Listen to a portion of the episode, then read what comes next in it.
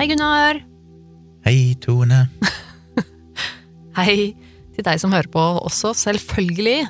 Velkommen til en helt ny episode av podkasten vår som heter Virkelig grusomt. Og det heter den fordi her forteller vi virkelige historier om grusomme hendelser.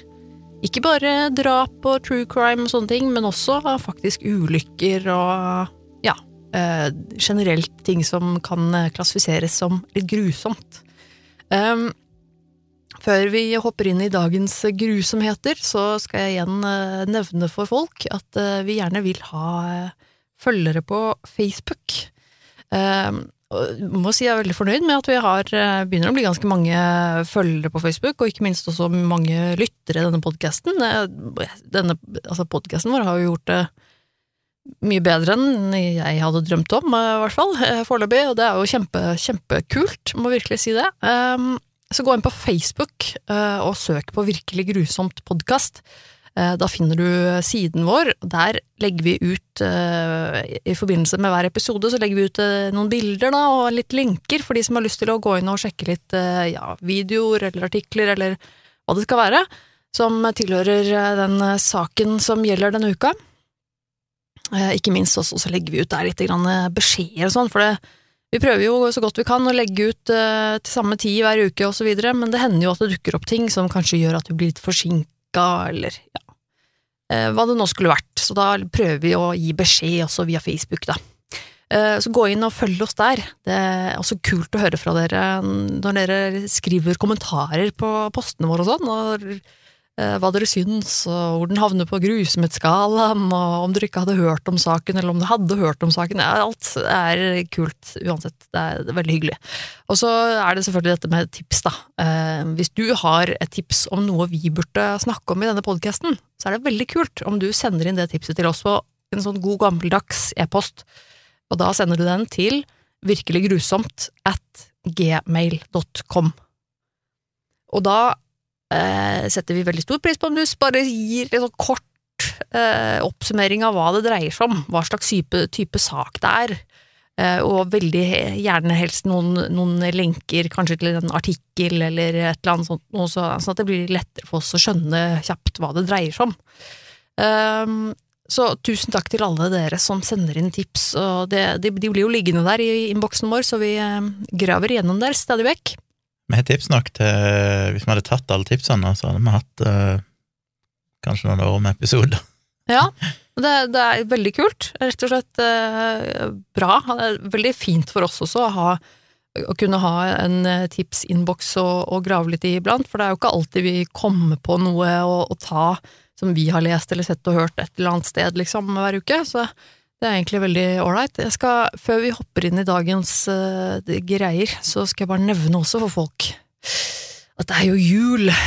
At uh, rett og slett så må vi ha litt juleferie, vi Gunnar, for det skjer litt framover. Vi skal komme tilbake til det litt neste uke, men neste uke blir, uh, blir årets siste episode, rett og slett. Så denne episoden i dag, og så får du en til neste uke, så blir det dessverre et lite opphold. Men vi skal som sagt komme tilbake igjen til det eh, neste uke, får du høre litt mer. Og Vi fortsetter jo på nyåret, så det er ikke noe slutt, men det blir en eh, par-tre uker, kanskje? Ja. Tre ukes tid? Tre-fire? Nesten en måned? Nei, tre uker eller noe sånt. Da får folk tid til å savne oss. Ja. Eller gå tilbake i arkivet. Vi er jo på Hva er nå vi er på episode 86, er det det? Nei, 80 Ja, dette er 86, ja. Ja, nettopp. Ja. 87 blir den siste i år. Det er mye å ta av. Ja, men da er det Jeg tror nesten jeg, sånn at jeg vil gå tilbake og høre noe av det gamle vi har laga sjøl, for at det begynner å bli så lenge siden nå. Jeg, sånn som den saken vi skal snakke om i dag, eh, det er jo en litt, eh, på en måte litt aktuell sak, men den også var litt sånn når vi nevnte den i, i går eller et eller annet, så, så var jeg litt sånn hæ, har vi ikke tatt den i podkasten? Nei, vi har kanskje ikke det, nei. Uh, det... For det har liksom vært uh, noe vi har snakket om å ta, eller sånn, og så er det en sak jeg kjenner til fra før, så det, liksom bare, det er ikke alltid jeg har helt oversikt over hva vi har snakka om og ikke. Um, det er jo det nå, med det fantastiske skjemaet. Ja, det er sant, det er sant, men uh, jeg, jeg, har ikke noe datamaskin og sånne ting her jeg, så jeg, lenger nå, for øyeblikket, så jeg har ikke, jeg har ikke noe mulighet til å liksom gå og sjekke sånne ting. Men um, for nå er det jo I dag skal vi snakke litt om en, en, en litt spesiell type. Eh, han heter Issei Sagawa. Han er jo fra Japan, og han eh, Litt grunnen til at den er aktuell nå, er jo fordi han døde nå, nettopp, den 24. november Nei, jo, 24., var det ikke det? Eller, Ja, noe sånt. Han døde for jeg tror det var 24. november i, i Mm. 2022. Så døde han eh, 72 eller 73 år gammel. 73. Ehm, og da eh, er jo denne saken her fått litt eh, nytt liv, da, på en måte. Og derfor Dette så er passer det jo en- litt, eh, litt for oss å snakke om den i dag.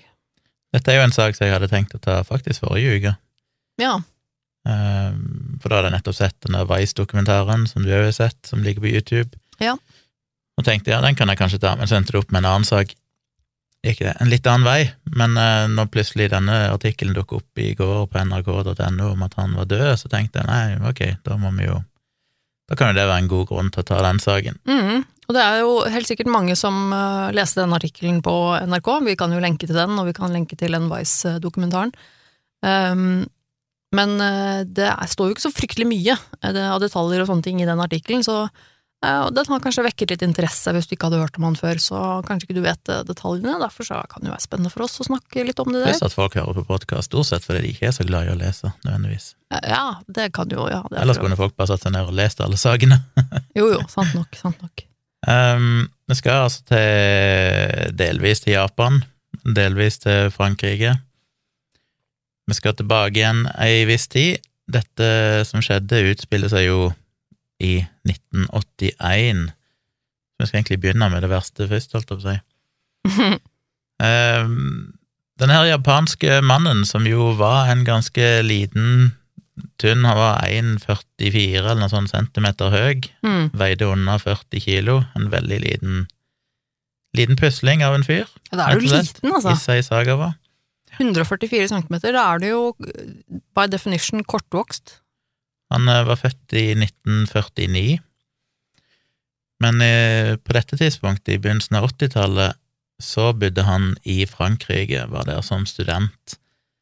Og en kveld så eh, kom han plutselig med en taxi inn i en eh, park, eller sånn parkområde, med noen sånn innsjøer der han bodde, i et ganske sånn fint område. Eh, der han studerte, var et veldig prestisjefullt Hva er dette? Sorbonne-universitetet. Mm. Og veldig sånn fint sted, egentlig sånn eh, Hva skal du kalle det?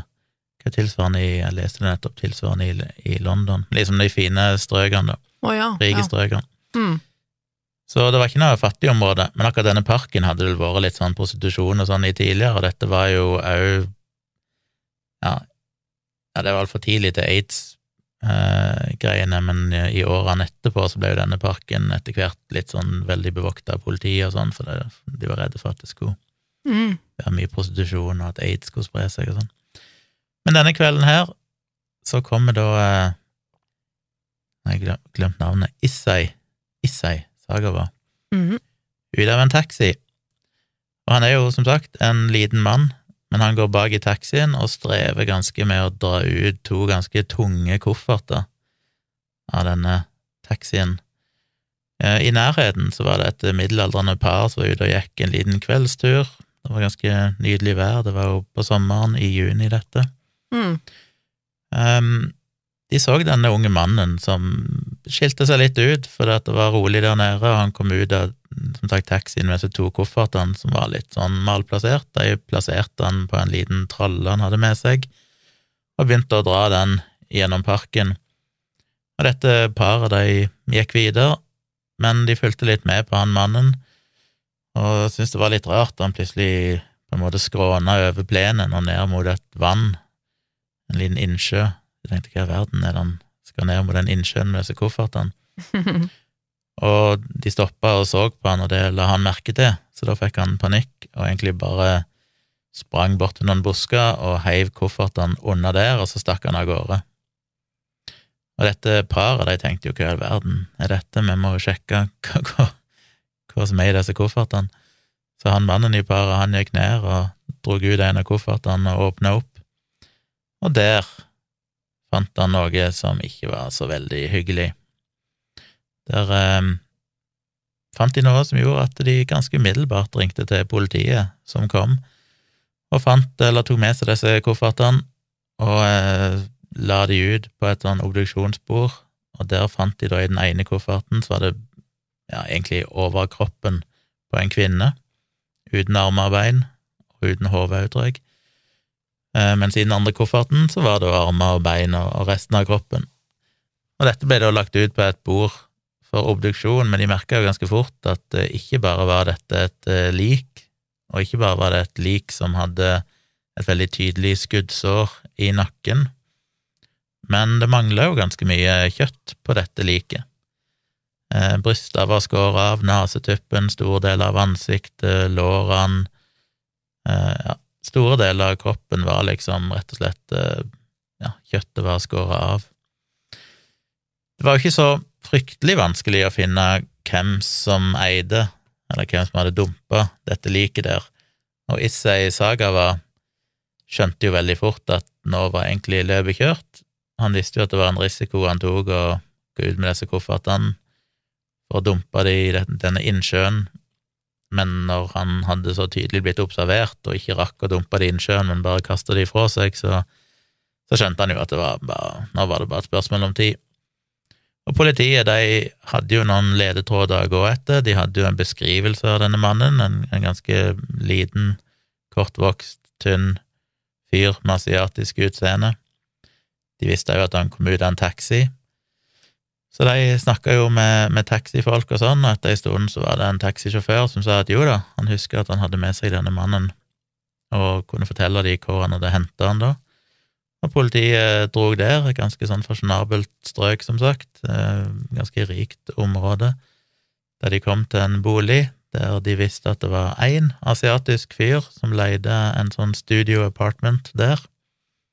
Så de gikk opp, men de visste jo at uh, denne, dette liket de hadde funnet, var jo skutt i nakken, så de visste jo at denne mannen åpenbart hadde et våpen og var i stand til å drepe, så de var jo ganske forsiktige når de nærma seg men eh, de gikk nå opp til leiligheten og ringte på, eller banka på, og Issei, da han hørte det, visste jo egentlig med en gang hva som var i ferd med å skje.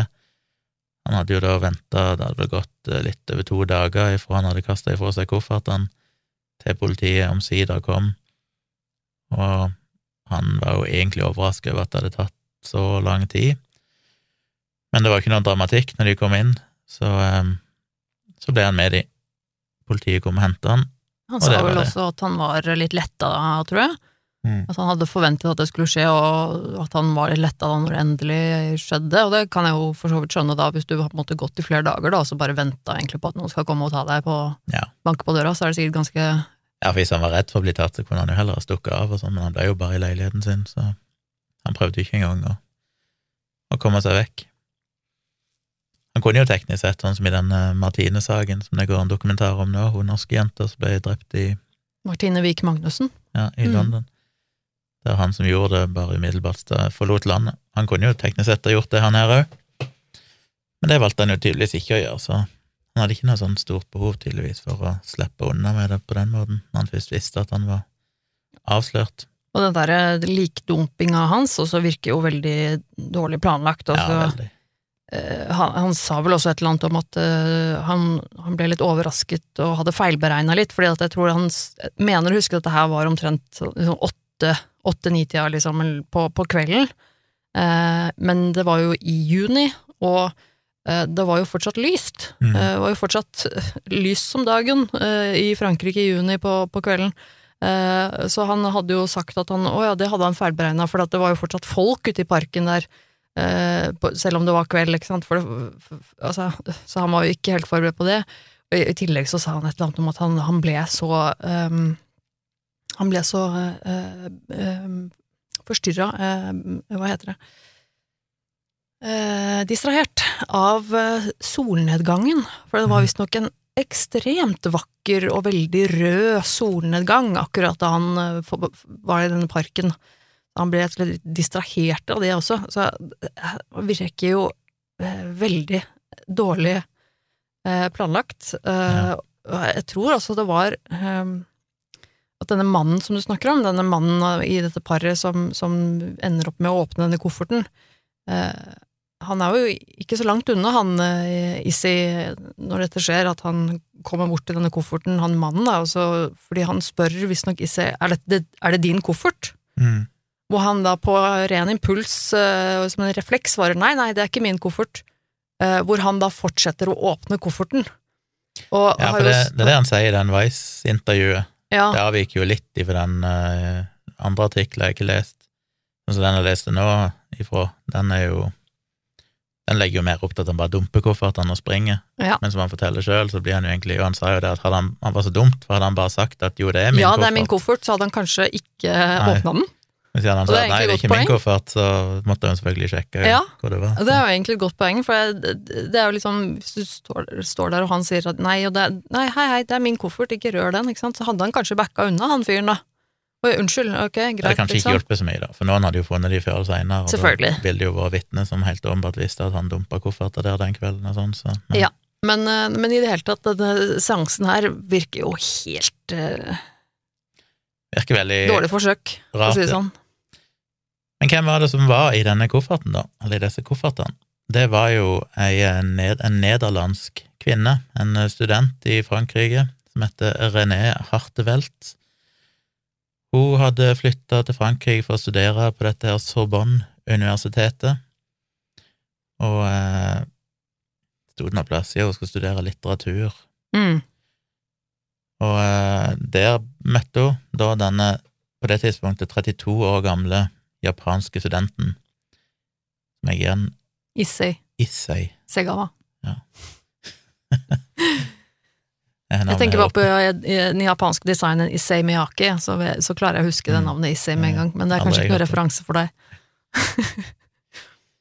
uh, og på det tidspunktet så var jo Issei veldig, veldig betatt av spesielt vestlige, hvite eh, damer, Ja. som han hadde hatt en sånn besettelse for helt siden ungdomstida, fra Hollywood-skuespillere og sånn. Så da han så eh, René, som han syntes var veldig, veldig flott dame, så ble han ganske sånn besatt av henne. Mm. Det var skisser og tegninger av henne i, i notatbøkene sine og sånn, tror Ja. jeg. Men det er klart, han hadde ingen Han var vel fortsatt jomfru Ja, var han det? Han var iallfall jomfru da han flytta til Frankrike noen få år tidligere, da han var 28 eller sånn, så var han jomfru. Ja, okay. Mulig han hadde hatt sex etter det. Men han var jomfru seint, holdt jeg på å si, og hadde jo ikke så lett for å få kontakt med damer. Eh, veldig introvert og egentlig ganske sjenert fyr, men, men for så vidt smart og som vi skal komme tilbake til seinere, ganske belest og oppegående ellers. Så han, eh, han ville jo bli kjent med henne, og klarte vel egentlig å bli kjent med henne. Han endte vel opp med å sitte på sida av henne i forelesningssalen og syntes det var veldig kult, og ettersom de studerte de samme tingene og sånn, så klarte han å bruke det som en unnskyldning for å begynne å prate med henne. Mm. Um, hun oppdaga jo at selv om han kanskje mm, Jeg vet ikke om jeg kan si han så rar ut, men han var jo en veldig liten, liten og sped asiatisk fyr. Ja. Men hun skjønte ganske fort at han, han var jo faktisk ganske kunnskapsrik og egentlig en interessant fyr, så de fant jo litt tonen. Etter hvert så ja, så ville jo han selvfølgelig prøve å være mer med henne, og en kveld så ble de enige etter en forelesning, så var det en sånn studiegruppe eller noe sånt som fant ut at de skulle gå ut og spise mat på en lokalsk gresk restaurant, og etter at eh, Sagawa fant ut at eh, René skulle være med, så ble han jo veldig, veldig glad for det. Ehm, så han ble godt kjent med etter hvert med disse klassekameratene, og de syntes han var en fascinerende fyr og ønska å lære mer om, om Japan og, og Asia, og en gang så inviterte han de rett og slett hjem for å spise litt japansk mat. Mm. Så han eh, fikk med seg egentlig ganske mange som sa de skulle komme, inklusiv eh, René. Men på denne kvelden, da de skulle komme, så endte det opp med at ingen andre enn hun dukka opp. Eh, og det var jo kanskje ikke så kult, men samtidig så var han veldig glad for at hun faktisk endte opp med å møte der. Så da kom inn, hun kom inn, så satt de og prata litt om felles interesser, om hvordan de elska musikk og litteraturen de studerte og sånn. Og Saga var prøvde jo selvfølgelig å snakke seg sjøl opp, hans intellektuelle eh, prestasjoner, så han skulle være mest mulig interessant for henne. Og han var veldig, veldig besatt av hun jenta, og var vel, som han har sagt senere, kontinuerlig seksuelt opphissa Mm. egentlig bare var at hun var i, i nærheten og var på besøk og sånn. Så han tenkte egentlig der og da at han allerede på det første besøket at han hadde tenkt å ta livet av henne. Fordi eh, Issei hadde, igjen, helt siden, nesten siden barndommen, hatt en ganske sånn intens besettelse av tanken på å spise menneskekjøtt. Mm. Og det var så tett knytta til seksuell tenning for han at han egentlig ikke kunne tenne seksuelt uten å tenke på det med å drepe noen og spise de. Det var liksom alt, eh, alt han ville. Så denne planen hadde han gått med lenge. Men han var liksom ikke helt forberedt, da, for han hadde jo ikke egentlig tenkt å gjøre det den kvelden, for egentlig skulle det jo komme flere folk. Så det at hun plutselig dukket opp alene, var, gjorde jo at han var litt sånn var litt uforberedt, så han fant ut at han kunne ikke gjøre det den kvelden, men hvis han bare kunne få henne på besøk en gang til, Mm. så skulle han få gjort det. Og det klarte han. Eh, Seinere i gang så inviterte han henne på nytt og sa at det var hyggelig hvis hun ville komme på besøk, spesielt fordi at hun hadde nevnt at hun snakka tre språk flytende, både engelsk, fransk og tysk. Ja. Og hun hadde heller ikke så veldig god råd. Det var sikkert dyrt å være student i utlandet på et prestisjefylt prestisjefullt universitet. ja, det vil jeg tro. Eh, Dette ligger vel i Paris. Mm. Paris Så- er jo ikke akkurat noen billig by. Nei. Så da benytta jo Issei var sjansen til å si at du, han hadde veldig interesse sjøl av å lære seg tysk, sånn at han kunne lese på originalspråket, noe sånn romantisk eh, poesi, Dikt. dikt Ja. og sånn, som Mm. han er veldig interessert i. Så han spurte om ikke hun kunne hjelpe han med å lære tysk. Ja, for han skulle, og så skulle han spille det inn og sånn, sa han ikke det? At han skulle, lurer på han sa at han skulle spille inn mens hun snakket uh, tysk og leste disse, disse Ja, diktene og sånn. Mm. Han skulle i hvert fall betale henne, så det var liksom min intensiv da, for at hun skulle gidde å gjøre dette. Så noen kvelder seinere så kom hun på besøk til han, til leiligheten hans, og han var veldig oppjaga og eh, opphissa, sikkert òg. ja. Eh, hun satte seg ned på en Eller nei, denne, faktisk denne kvelden òg, så endte han jo opp med å trekke seg. Han var veldig oppjaga og tenkte nå skulle han liksom gjøre dette her, men, men det ble så overveldende for han den tanken på at han skulle ta livet hennes og spise og alt dette her, at han ikke helt klarte å få seg sjøl til å gjøre det. Mm. Så den kvelden skjedde det heller ingenting. Og etter det så var han jo veldig misfornøyd med seg sjøl, og skuffa over at han hadde vært så feig og ikke klart å gjøre dette. Han, dette var jo så viktig for han, men eh, som de skriver her, så er det jo ofte sånn at mordere, folk som har drept andre, så prøver de gjerne, de hevder iallfall, at de prøver å finne måter å ikke drepe på. Prøver liksom å motstå lysten. Mm. Mens i Sagava sitt tilfelle så var det egentlig motsatt. Han hadde jo veldig lyst, men han turte ikke, så han prøvde jo å kjempe for å overbevise, eller å kjempe for å klare å drepe noen, ikke å motstå det. ja.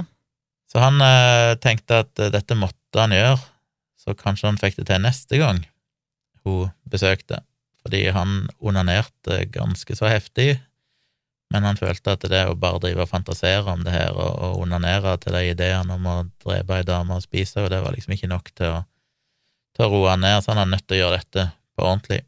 Ja, han sa jo det, at det en ting var på en måte at han hadde vært veldig opptatt av det, og eh, veldig opphisset av tanken på å, å, å spise noen og sånne ting, og, og det, men, men at, det, at han sikkert da tenkte og, og, og obsessa så mye om det, at det etter hvert ble en slags besettelse. At han, Ja. han forklarte selv at på et tidspunkt så gikk det over til å være ikke noe han bare ønsket å gjøre, men noe han måtte gjøre, da. Mm. han, han sa det at eh, han følte at dette var noe han måtte gjøre. At nå, nå er det på en måte Hadde ikke noe valg lenger, da, liksom.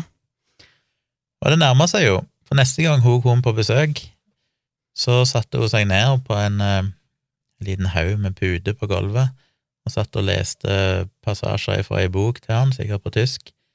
Og mens hun satt og leste til han med ryggen til, så gikk han forsiktig og rolig bort til et skap og tok ut en 22 kaliber rifle som han hadde der, gikk opp bak henne og pekte geværet mot bakhodet hennes og trakk av avtrekkeren, men ingenting skjedde. Eh, hadde låst seg, eller et eller annet skjedde, sånn at eh, hun ble ikke skutt, og han ble selvfølgelig nervøs for at eh, hun hadde hørt at det klikka i været, men det hadde hun heldigvis ikke gjort, så han bare snudde seg og la rifla tilbake igjen i skapet, og satte seg ned på sida, og så fortsatte denne tyskundervisningen sin. Men han øh, ga seg ikke, så noen dager seinere igjen, den 11. juni 1981, så var hun på besøk enda en gang for å lære han tysk, og denne gangen prøvde han seg på det samme igjen.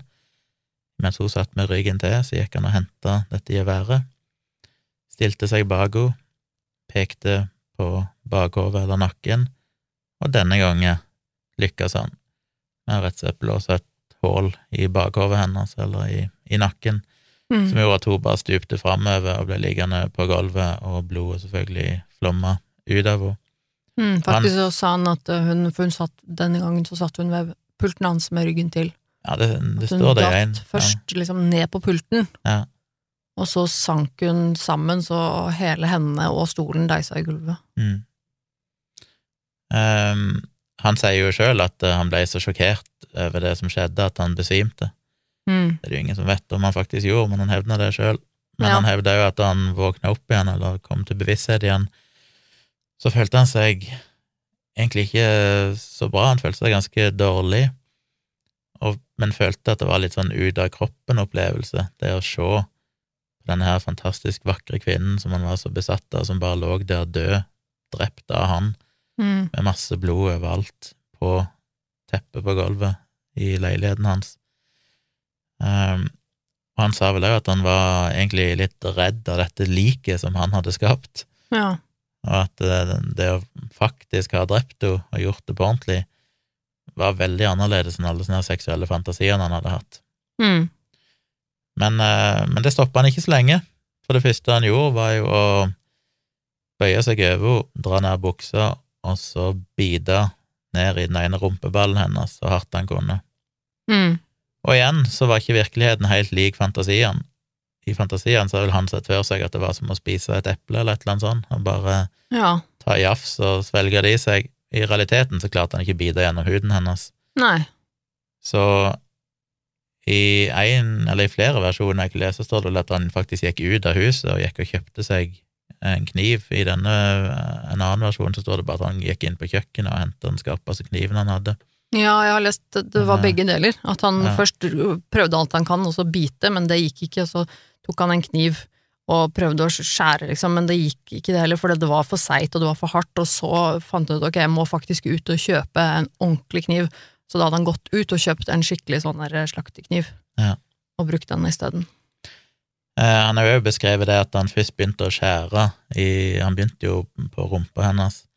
Så ble han òg overraska og skuffa over at da han skar gjennom huden, så var det jo egentlig bare gult inni Ja. der. Det var noen sånne gule klumper. Mm.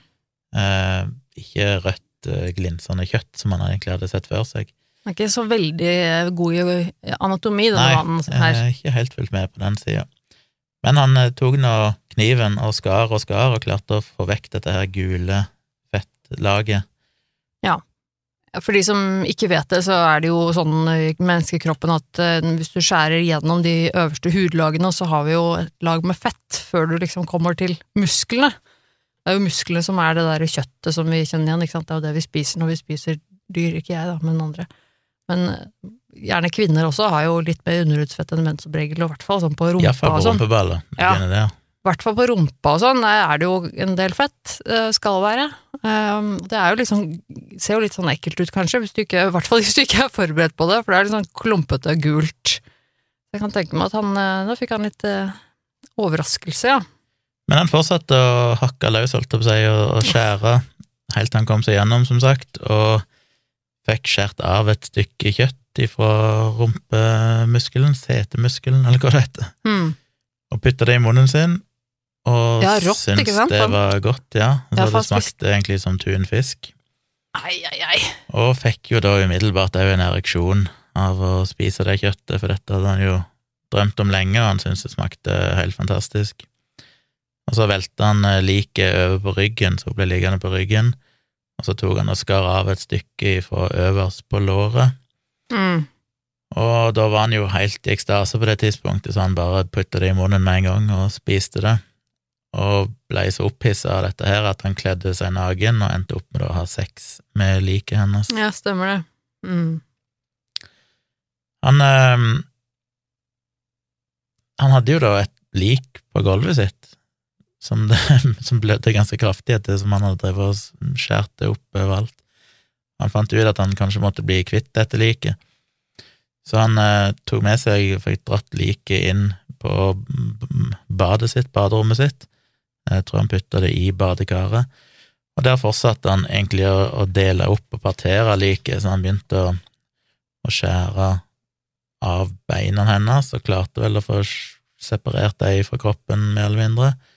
Og det samme med begge armene, som han skar i og skar i, sikkert rundt skuldrene, helt til han klarte på en måte å vri de ut av, av eh, skulderleddene. Mm. Og så kjørte han kniven inn i halsen hennes og begynte å skjære av henne hodet. Og hele tida så lot han vannet renne, kaldt vann i badet, for å prøve å skylle vekk blodet fortløpende. Han uttalte jo på et tidspunkt også at han var redd for blod. Det syns jeg Ja, var litt spesielt. Og han sa jo at dette ikke var Dette likte han egentlig ikke. Nei, han gjorde ikke ikke det. noe glede. Var ikke det samme med Dahmer òg? Han Jo, han, men han har vel ikke snakket så mye om det sånn direkte, men, eh, men han Vet du han ikke likte. Dahmer- Var det selve drapet, eller var det Ja, altså Dahmer? Dahmer har jo snakket om det at han Det var jo ikke det å drepe folk som var det han ønsket å gjøre. Han drepte jo ikke folk fordi at han ville drepe noen. Det var egentlig bare en sånn uheldig konsekvens av, at, av det han dreiv med, at, han måtte, at de måtte dø, liksom, eller at de døde. Altså, han likte heller ikke dette å partere dette liket. Det skjønner jeg jo. Men øh, han fortsatte jo, og skar av henne flere og flere deler i lårene og rumpa, pakka det i plastikk og putta det i fryseboksen sin så han kunne spise det seinere. Mm. En av de tingene han mislikte mest, det var at han skar av et av brystene hennes. Og det ble han veldig veldig skuffa av. Jeg vet ikke hva han hadde sett for seg. Om han hadde sett for seg at brystet var en eh, svær muskel. Ja, igjen, altså. Men han syntes det var ganske grotesk. Det, det fremsto mer som bare Ja, det likte han ikke. kadaver, liksom. Det, og, nei, bare han en klump med En ekkel klump med fett, som han kalte Ja, det. ja, og det er jo det. Altså, det bryster er jo spise. Det er, ikke, det er jo ikke en svær muskel. Altså, hva i all verden er det? Altså, jeg skjønner ikke hva han Det er jo bare kjertler og fett, egentlig. Det er jo alt som er i en pupp, liksom. Jeg skjønner ikke. Han har jo virkelig ikke helt peiling.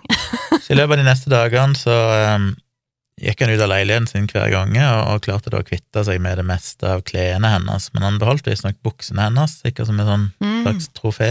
Gjorde han det? ja? Et personlig trofé. Eh, Og så kom han jo til det punktet der han eh, fant ut at eh, liket begynte å lukte litt. Det begynte etter hvert å råtne etter å ha vært der en del da- dager. Ja, for det var jo juni. ja, ble ubehagelig, så det var da han gikk og kjøpte seg noen kofferter og putta disse kroppsdelene i kofferten, koffertene, Ja. og fant ut han skulle kvitte seg med de.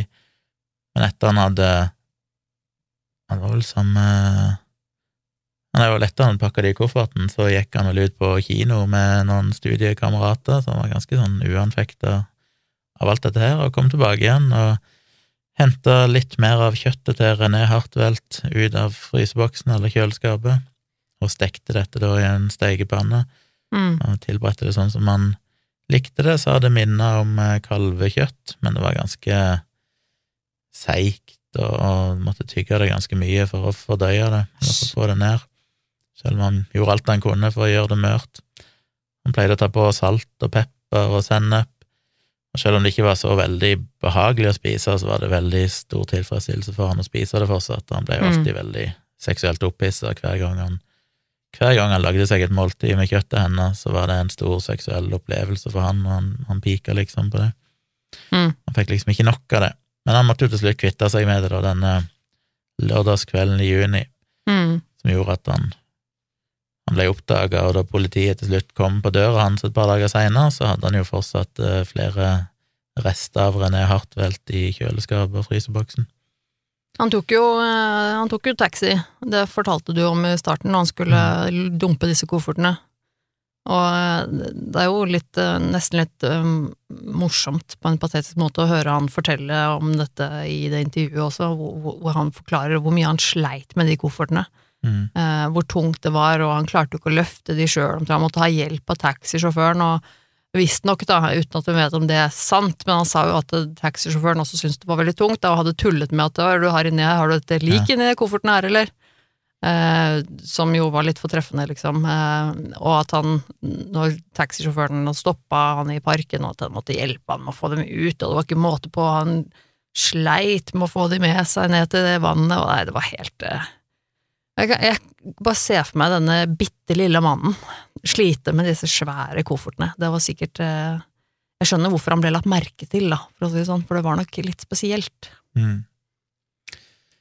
Så hvordan endte Issei Saga var opp på denne måten?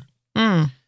Det vet vi selvfølgelig ikke helt, men eh, da, han, ble jo, han ble jo født som et resultat av en altfor tidlig fødsel. Mora hans falt visst ned noen trapper og holdt på å spontanabortere, Å, men ja. uh, det gikk bra. Altså, det ble ikke en spontanabort, men han endte opp med å bli for tidlig født. Mm.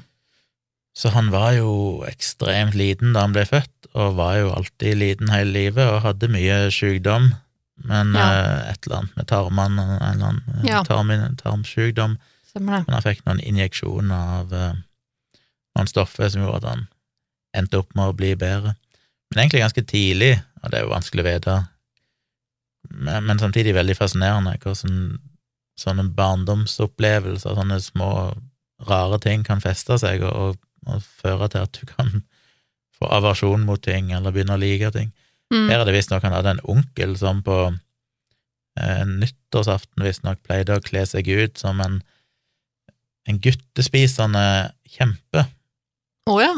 Han kledde seg ut som et slags monster, og så drev han liksom jagde unger, da, blant annet eh, Issei og, og broren hans, og, lata som han skulle ta de og spise de opp, og det syntes de var veldig, veldig moro å springe rundt i huset og hylte og skreik. Mhm. Og til slutt så klarte han liksom å ta de, og så putta han de oppi gryta si og skulle koke de til middag og sånn.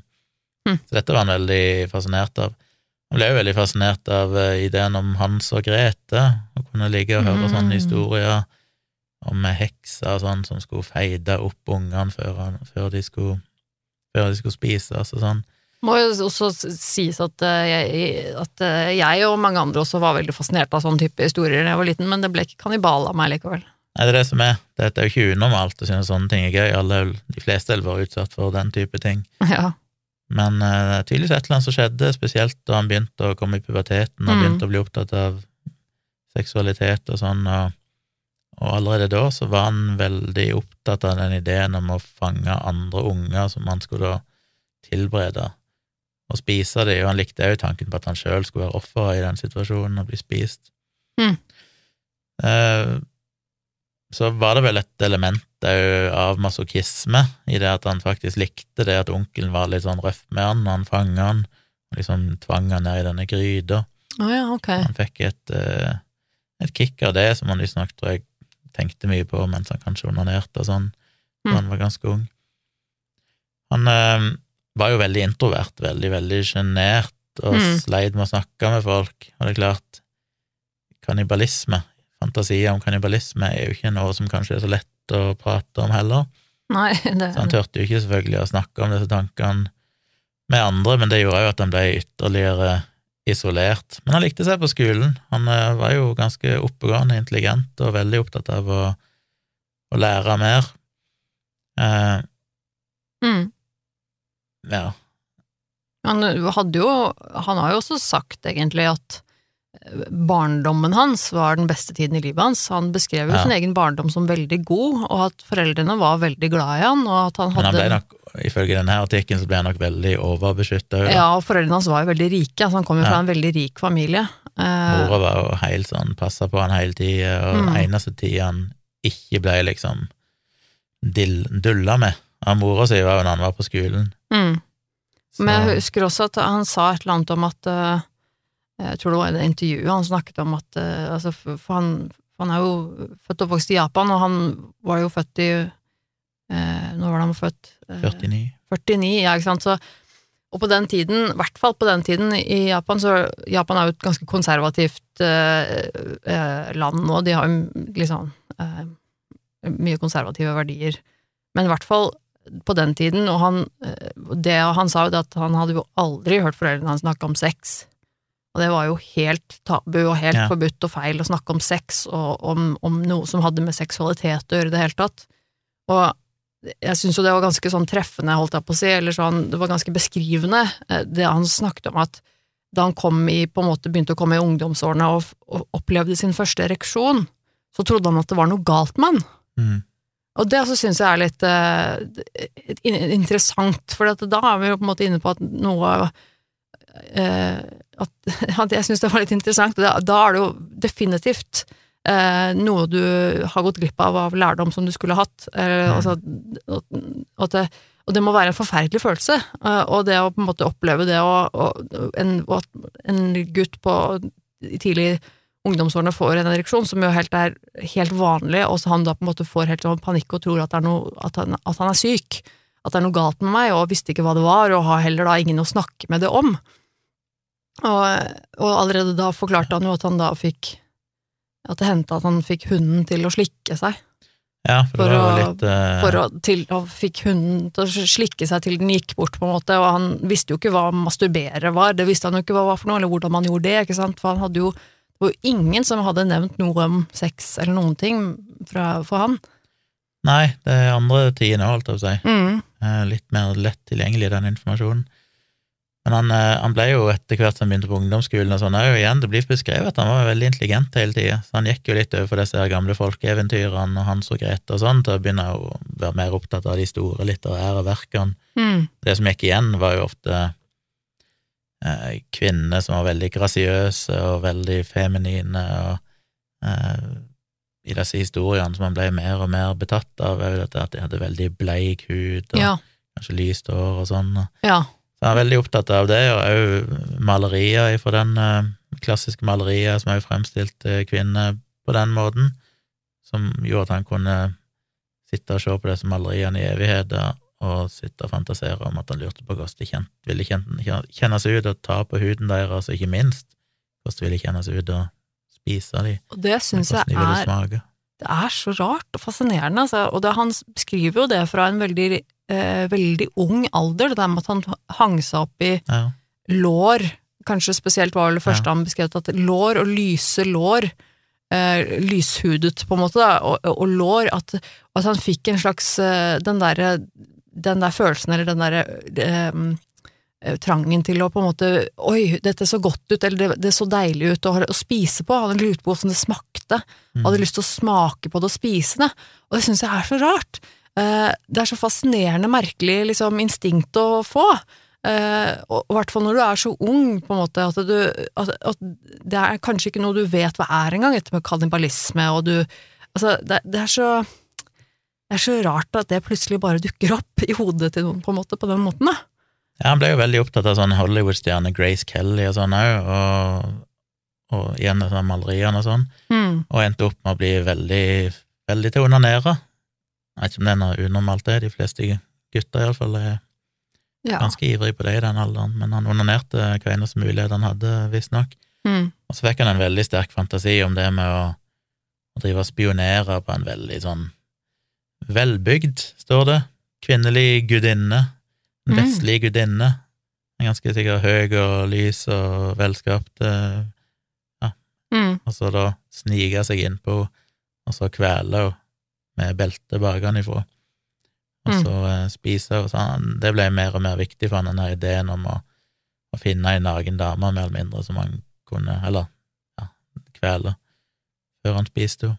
Og det er også noe han, han gjerne beskriver som karakteristikker også, er dette med høy, eh, lys i huden, kanskje Mm. lyst hår, eh, alt, og disse type eh, altså Det han er besatt av, er på en måte det han ikke har selv, og at han Ja. nok hadde og så snakker han flere ganger at han hadde ganske dårlig selvbilde, at han, Mm. at han omtalte seg selv som helt avskyelig og veldig stygg og et monster, liksom. At han var, at han var veldig lite attraktiv, da, veldig stygg, og, eh, og syntes selv at han, at han så veldig eh, ja, unormal ut. At, at det også var en del av det han på en måte søkte, at han ville em, at han ville ha det som han ikke hadde selv, i den forbindelse, når vi snakker om på en måte det derre eh, det der eh, besattheten han hadde med liksom å spise eller å ta eller å på en måte eie eller hva det skal være, da, men at det var liksom den derre eh, Det der at han skulle ta Han var besatt av det han ikke hadde selv. Men det var, ja. Men han prøvde å gjøre noe med det, da. Allerede i en alder av 15 så tok han faktisk kontakt med en psykiater for å prøve å fortelle om at han hadde disse ideene. Eh, Det var spesielt eh, etter han begynte å få de ideene om å drepe offeret som han skulle spise. Mm. Men han fikk beskjed av denne psykiateren at eh, hvis han skulle kunne hjelpe, så måtte Saga bare komme ned til kontoret hans og prate, heller enn å bare liksom snakke på telefonen. Oh, ja, sånn. Og det syntes han jo var altfor uh, alt for flaut, så det var helt uaktuelt, så da ble det liksom ikke noe mer med det. Ja. Han delte noen av tankene sine med bror sin etter hvert, men hans eldre bror trodde egentlig at dette bare var tull, og egentlig bare avfeide hele greia, tok det ikke seriøst. ja. Så dette var tydeligvis vanskelig for han, dette var som, tankene hadde så mye, han, han prøvde liksom, han hadde lyst til å dele dem med noen, men han kunne ikke. Jeg. Så visste han ikke ga at han litt opp, egentlig, og bare tenkte at ja, ja, da, eh, da får det Mm. bare bli sånn. Jeg visste ikke at han hadde oppsøkt At han hadde prøvd å oppsøke hjelp. Det visste jeg ikke. Det må jeg si egentlig ganske sterkt, altså. Eh, og i hvert fall i Japan og på den tiden der, hvor, hvor psykisk helse og sånn er et veldig, veldig sterkt tabu, så er det jo veldig eh, sterkt, egentlig, å oppsøke hjelp på egen hånd, da. Men så, i 1970, da var han vel 21 år omtrent, 20-21 år, da gjorde han jo noe for første gang med disse tankene sine. Da hadde han jo stalka ei ung tysk dame som bodde i, i Japan. Var det i Tokyo han bodde? Et eller annet sted i Japan. Ja, det var i Tokyo. Mm. Ja. Ja. stemmer det. Han drev og stalka henne, og fant ut at der hun bodde, så hadde hun av og til et vindu som sto åpent når det var varmt på kvelden. Ja, og hun Og bodde jo i første etasje, hun. Ja, Og han fant ut at det var også i samme blokka, eller i hvert fall i samme område som bestemoren hans hadde, bodd, sa han. Så han var veldig kjent i det området, da, som gjorde at det gjorde veldig lett for han å på en måte stake henne og følge, følge etter henne hjemme, og han, han visste liksom hvor, hvor hun var hen. Så en kveld så fulgte han etter henne, og så krøyp han inn vinduet midt på natta. Jeg har sett litt forskjellige varianter her i denne ene versjonen iallfall, så våkna vel hun allerede idet han krøyp inn vinduet, Oh, ja, okay. og eh, i en annen så kom han seg vel inn. Tanken var at han skulle komme inn og så mer eller mindre skjære av henne noe kjøtt som han kunne ta med seg hjem Mm. og spise. Ja, for han ville jo spise henne. Men eh, det funka ikke så veldig, og det endte jo faktisk opp med at eh, ja, det ble litt sånn slåsskamp eller et eller annet, og hun begynte å hyle og skrike, og han stakk av. Og dagen etter han gjorde det, så ringte han igjen til en psykiater og sa at han trenger hjelp, eh, han må ha hjelp med dette her, Yes. og han ble overbevist og overtalt om at han måtte komme til kontoret til denne psykiateren, og det gjorde han. Eh, Saga var fortalte da denne historien om hvordan han hadde krøpet inn i vinduet til denne tyske dama, men da var ikke psykiateren veldig sympatisk. Han sa at dette her var, eller at Saga var, var en eh, trussel mot offentligheten, og for at han hadde kryssa noen etiske grenser der med å innrømme dette for psykiateren. Mm. Og ja, men eh, det ble ikke rapportert videre, da. Så det, det skjedde ingenting med denne okay. saken. Ja, for jeg har hørt en litt annen versjon av det. Eh, vel, jeg vet, husker ikke om det var i den dokumentaren jeg så, eller om det var jeg leste, i hvert fall.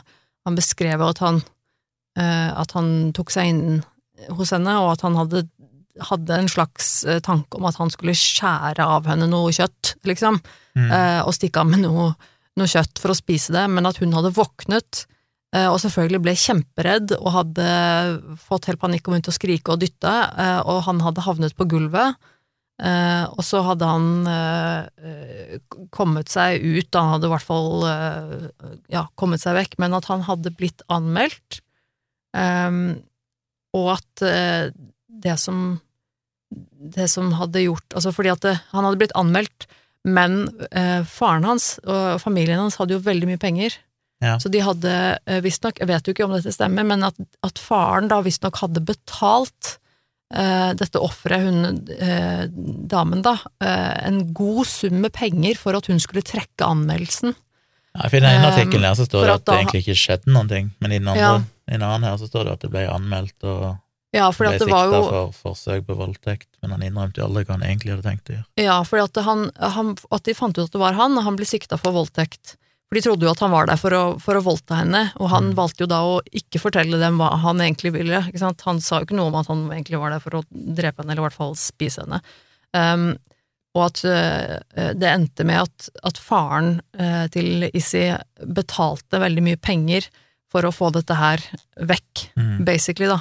Eh, for å få henne til å trekke anmeldelsen, og, og da at, at han ikke ble tiltalt likevel, og dermed heller ikke fikk noe på rullebladet. For det var visst det som også var litt viktig, da, ikke sant, at han ikke skulle ha dette her på rullebladet sitt. Og at det klarte de visst med, siden de var eh, ja, ganske rike, da. Men så vidt vi vet, så gjorde han aldri noe annet uh, galt, enten å bare fantasere og onanere og så videre. Uh, han gjorde det jo bra på studier, og endte opp med å få seg en grad i shakespeariansk shakespearsk litteratur. Ja. Og så, i 1977, så flytta han da fra Tokyo til Sorbonne-universitetet i Paris. Mm. Og da var han eh, 28 år gammel, eh, veldig oppegående, som sagt, eh, veldig kulturelt eh, liksom bevandra. Han hadde jo veldig god innsikt i både litteratur og kunst og sånn, Ja.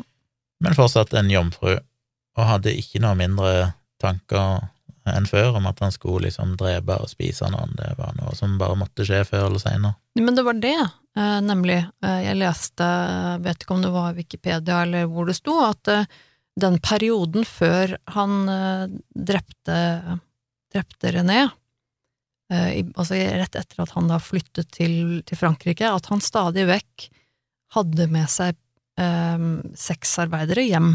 Ja. Og at han kjøpte seksuelle tjenester og hadde en tanke om at han kanskje skulle altså, drepe dem eller spise de, Ja da.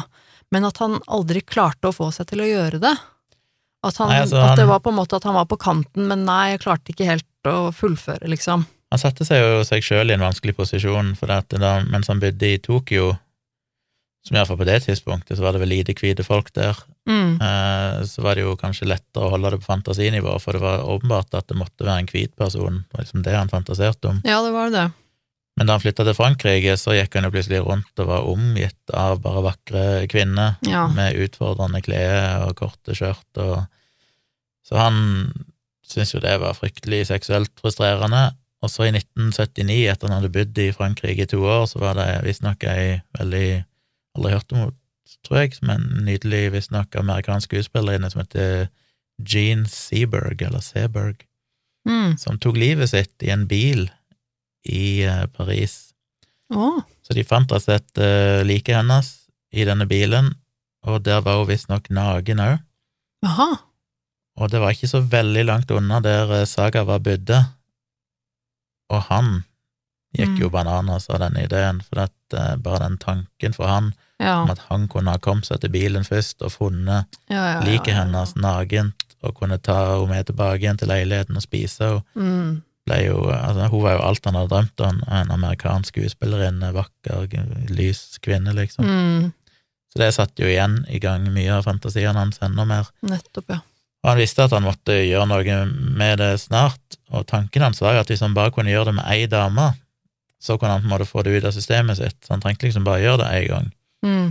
Og det var da han begynte òg med å, å få finne det som kanskje var den letteste måten å bare få, det, få dette gjort på et vis, og det var jo da å finne en sexarbeider og bare betale henne for å bli med hjem til leiligheten, og så eh, knivstikke henne eller et eller annet sånt. Mm. Så han eh, klarte til slutt å sjekke opp ei jeg vet, ikke om hun var en sexarbeider, men iallfall ei dame som ei blond dame, ei nydelig blond dame. Ehm, og så vet jeg ikke om det var i leiligheten eller noe sånt, der hun sto og dusja. Hos han må det vel ha vært. Eh, og han, da sneik han seg liksom innpå henne, sånn som han hadde fantasert om så mange ganger, men fant ut at han klarte ikke, å- klarte ikke å gjøre det. Mm. Og dette skjedde visst flere ganger, at han hadde da sånn muligens sexarbeider, eller kanskje klarte å sjekke opp noen damer i ny og ne som ble med hjem, men han feiga alltid ut. Mm. Og så i 1980 så reiste han visstnok hjem igjen til Japan, ja, og var der, Japan, i noen måneder, før han returnerte til Paris, og ganske kort tid etter det da, så ble han kjent med René Hartevelt, Ja, som da måtte ta betale prisen for basically 30 år med undertrykte seksuelle fantasier som han endelig måtte utløp for. Mm. Da han var i arresten, så var han jo veldig pratsom. Han fortalte jo Ja, for alt. dette er jo i Paris. Han ble jo Ja. arrestert i Paris. Hadde jo ingen problemer med å fortelle alle detaljer. Og politiet sa at han var veldig høflig, og til en viss grad òg så ut til å angre seg. Men Ja. de konkluderte jo med, etter mange lange prosesser, at den eneste grunnen til at han hadde tatt livet til René, var rett og slett bare seksuell tilfredsstillelse. Eh, og han sa jo òg til politiet at nå som han hadde gjort det, så kom han aldri til å trenge å gjøre det igjen. Det var liksom bare den ene gangen han måtte oppleve det, og så disse demonene som var i han, sa han nå, var, var forsvunnet. Mm. Politiet var selvfølgelig ikke fullt så trygge på det, de hadde jo funnet masse kjøtt, kjøttet til René selvfølgelig i kjøleskapet hans, og Ja. visste jo at det han hadde gjort, var jo helt absurd grusomt. Så de tenkte at han må egentlig bare sperres inne. Eh, men det var jo litt vanskelig, og det var ikke politiet sin jobb å finne ut om han egentlig var eh, Tilregnelig. eller ikke. Så det ble jo en lengre prosess. Det tok vel opp mot en to år før det endelig liksom skulle bli noen rettssak, der de hadde inne iallfall over et år, så ble han vel bare analysert av psykologer og Ja, sånn stemmer det. Det tok ganske lang tid. prøvde å finne ut hva som skjedde, eller hva, hva som, om han egentlig feilte noe. Mm. Men eh, ja, så ble det vel òg, så var vel òg faren hans, som da som sagt var rik, som betalte for en eller annen advokat å Ja. stille opp og forsvare han og greier. Og uten å gå i alle detaljene, så endte det jo bare kort sagt opp med at uh, han ble erklært utilregnelig. Ja, faktisk. Så istedenfor å få noen fengselsstraff, så ble han vel egentlig dømt til å tilbringe resten av livet sitt på en psykiatrisk anstalt. Mm. Og det var egentlig i utgangspunktet greit nok for alle parter. Det var ingen som var misfornøyd med det. Så lenge han ble sperret inne, så var det ikke så nøye for folk, tror jeg, om det var fengsel eller psykiatrisk anstalt. Men Så det ble jo egentlig ingen rettssak, ikke sant? nei, Nei, for han ble jo bare ansett som utilregnelig og sagt at nei, du kan ikke, du er ikke frisk nok til å, til å bli tiltalt, så du blir bare plassert i et, en psykiatrisk institusjon resten av livet ditt i Frankrike. ja. Og så kasta jo pressen seg over dette. De hadde jo selvfølgelig allerede skrevet mye om denne saken, som var på det tidspunktet fram til han der Som jeg snakker om, Anton Anton Wei, Hm? er kannibalen i Tyskland. Å ja, Weimes. Meives. Meives. Ja. Meives. Me- I Meives. begynnelsen, det var vel i begynnelsen av 2000-tallet, eller sånn, var ikke det? Jeg husker ikke akkurat når det var, ja. slutten av 90-tallet. Men fram til da så var jo han her eh, Vi har snakket om det i podkasten tidligere, folkens. Ja, den tidligere episode. Men han Issa Saga var jo på en måte den mest kjente, da, kannibalen, Mm. eh, iallfall i Europa. Så han hadde jo mye presse rundt seg, og pressen var ikke så veldig nådig med at ikke det ble noen rettssak. At han ikke ja, endte opp i fengsel. Hvordan kunne en som liksom hadde kaldblodig bare tatt livet av ei ung dame Jeg vet ikke om jeg nevnte alderen hennes, men hun var vel 25 år, tror jeg, Mm. da ble drept. Jeg tror det. Mm. Hvordan kunne han, ja, og i tillegg da ha sex med liket og- skjære henne opp og spise og alt det der, hvordan kunne han slippe å måtte gå gjennom en rettssak? Mm. Og den internasjonale pressen var jo ganske enig i at det her virka absurd, men eh, Men det var nå sånn det var. Det var Det ble ikke noen rettssak. Eh, Saga var Han nekta jo for at han ikke var tilregnelig, eller at han, han feilte noe. Eh, han sa at han egentlig heller ville vært i, i fengsel enn å være på en psykiatrisk anstalt. Han syntes det var uverdig på et vis å måtte være med, med masse andre pasienter som helt åpenbart sleit med psykisk sykdom. Han, han Mm. følte ikke sjøl at han passa inn der i det hele tatt. Nei, hvis han ikke anser seg selv som, eh, som syk, eller at han tenker selv at nei, men det er ikke noe galt med meg, så kan jeg tenke meg at det er nok sikkert virker litt uverdig for han, ja, å være sammen med dem, liksom, bli satt i samme, samme bås. Men han hadde jo god tid der, så han satte seg jo ned og begynte å skrive en slags, eh, en slags selvbiografi. Mm. Og han følte at det var ganske terapeutisk, og det var primært derfor han gjorde det, egentlig, bare for å prøve å finne ut av sin egen syke. Tenkte jo aldri at noen skulle lese det. Men eh, den her enorme interessen for han, ikke minst tilbake i Japan, gjorde jo at en eller annen kjent japansk forfatter som heter Inihiko Yomota, kom og besøkte han der han satt inne på denne psykiatriske anstalten, og det endte opp med å prate i evigheter. Og Saga var, gikk med på å gi han denne her selvbiografien som han hadde skrevet. Mm.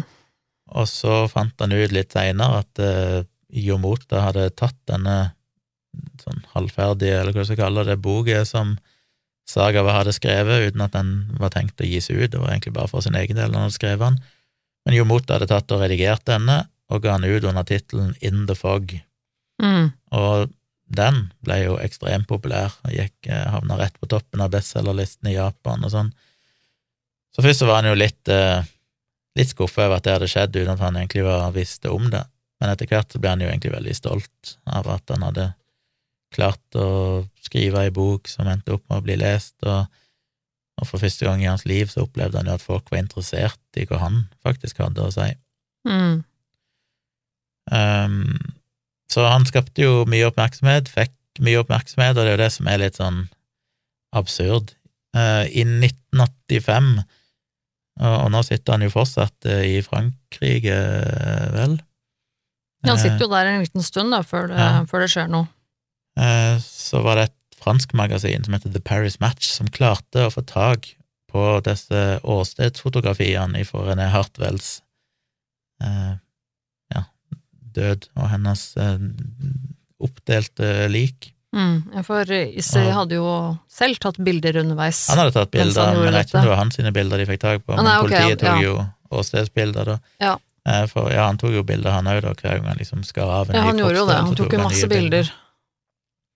Men de bildene ble jo satt på trykk i dette magasinet, Mm, visstnok veldig sånn uten at noen tenkte at det var noe problem. Det er problem. så drøyt. Og de bildene får du vel sett en del av i den Vice-dokumentaren. Ja, det kan Der viser de jo faktisk de ganske så close up, Ja, det er noen uten, par bilder sladding eller mm, som faktisk vises, som er ganske grafiske. Ja, veldig grafiske. Der ser du jo like med alle delene kappa av. Og... Eh, så de ble trykt, og det skapte jo mye oppstyr. Det endte jo faktisk opp med at en av journalistene ble arrestert, og politiet gikk og beslagla mer enn en kvart million eksemplarer av dette magasinet for å prøve å hindre det i å bli solgt. Tenk deg, det er så drøyt, altså. Tenk å gjøre det. Men det førte jo til mer oppmerksomhet rundt disse i Sagava, og det gjorde òg at fordi han, han fikk jo så mye oppmerksomhet, egentlig, at det var rett og slett ubehagelig på et vis. At han, han, jo, han var jo en, en morder og kannibal, Mm. men han ble jo en, en eh, berømt Kjendis, nesten. Kjendis. Mm. Så det jo, var nok mye det som bidro til at eh, Frankrike fant ut at nei, nå vil de ikke ha han i landet lenger, så de endte seg opp med å deportere han tilbake til Japan. Mm. Og det var visst mange også som protesterte, altså av innbyggere i Frankrike, som, som syntes at dette var helt forferdelig, at, at de skattebetalerne skulle liksom betale for å huse han, Ja. eh, og, og de rett og slett ikke ville ha han i landet lenger. Jeg kan jo på en måte forstå det. Og så kommer jo kanskje det mest overraskende med hele historien, fordi at han var jo ikke dømt for noen ting. Han var jo egentlig bare satt for psykologisk behandling. Mm. Så da han ble returnert til Japan, så var han jo egentlig en fri mann. Men eh, han ble jo tatt på flyplassen allikevel, og eh, tatt med til sykehuset, eh, Matsuzawa Hospital. Og der gikk han med på frivillig å bli eh, plassert i en sånn privat avdeling av institusjonen der og undersøkt av leger. Han ble jo det, en hel lass med psykologer som mm. visstnok undersøkte han, og de konkluderte med at han var helt ved sine fulle fem.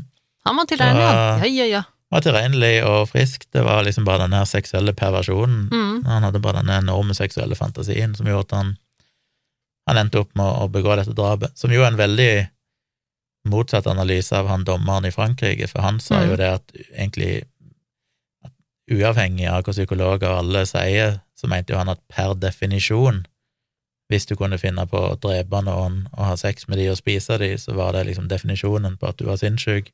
Ikke sant. Så for han så var liksom bare handlingen i seg sjøl sånn, du kan jo ikke gjøre dette uten å være utilregnelig, derfor er du utilregnelig. Men det blir jo helt uh, feil. Altså, Ja. jeg tenker jo også at det, De hadde jo rett i Japan da med å si at han var tilregnelig, og mest sannsynlig hvis det hadde vært nå, så ville jeg jo tro at han også hadde blitt ansett som tilregnelig, for han Poenget er jo det ofte med tilregnelig eller utilregnelig, er jo litt eh, altså grovt sagt om, om du skjønner at det du gjør er galt. Mm. Og det visste han jo, han visste jo at det var Ja. galt å drepe René, så det er jo, så det er jo helt hinsides, egentlig, at Han han, hadde jo planlagt i basically 20-30 år, så Ja. det var ikke som at det skjedde i affekt eller noen ting. Han hadde jo prøvd mange ganger før, men ikke klart å gjøre det, så det finnes jo ingen grunn egentlig til å si at det Anyway, i eh, Japan så ble han jo erklært frisk, Mm.